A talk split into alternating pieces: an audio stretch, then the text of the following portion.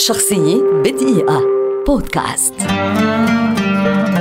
بوبي فيشر لاعب شطرنج أمريكي عبقري ولد عام 1943 ويعد أحد أعظم لاعبي الشطرنج في التاريخ إن لم يكن أعظمهم على الإطلاق. ظهرت موهبته باكرا جدا ففي سن الثالث عشر فاز بالمباراة التي وصفت بمباراة القرن وأذهل أهم المحللين واللاعبين وحين بلغ الرابعة عشر لعب في ثمان نسخ من بطولة الولايات المتحدة وفاز بها جميعا. وفي السنة التالية أصبح أصغر لاعب يحصل على لقب International Grandmaster وأصغر لاعب يشارك في مسابقة الترشح Candidate وفي عمر العشرين فاز ببطولة الولايات المتحدة محققا العلامة الكاملة الوحيدة في تاريخ البطولة.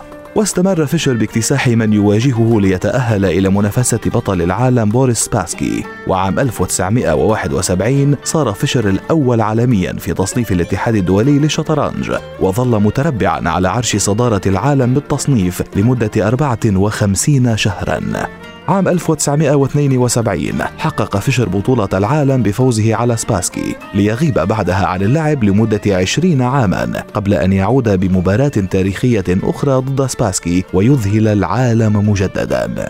كان فيشر غريب الأطوار ويقال إنه كان مصابا بالبارانويا والسكيزوفرينيا لكن جنون العبقرية هذا جعله يحقق عددا من الألقاب والنتائج القياسية التي يصعب حصرها أو تصديقها حتى. عام 1990 اخترع فيشر ساعة جديدة سميت على اسمه وصارت تستخدم فيما بعد في أغلب مسابقات اللعبة كما اخترع نوعا جديدا من الشطرنج اسماه شطرنج فيشر العشوائي الذي يعرف الآن ب Chess 960 عام 2008 فارق فيشر الحياة بسبب الفشل الكلوي. وعام 2014 تم إنتاج فيلم سينمائي رائع يحكي قصته بعنوان Pawn Sacrifice شخصية بدقيقة.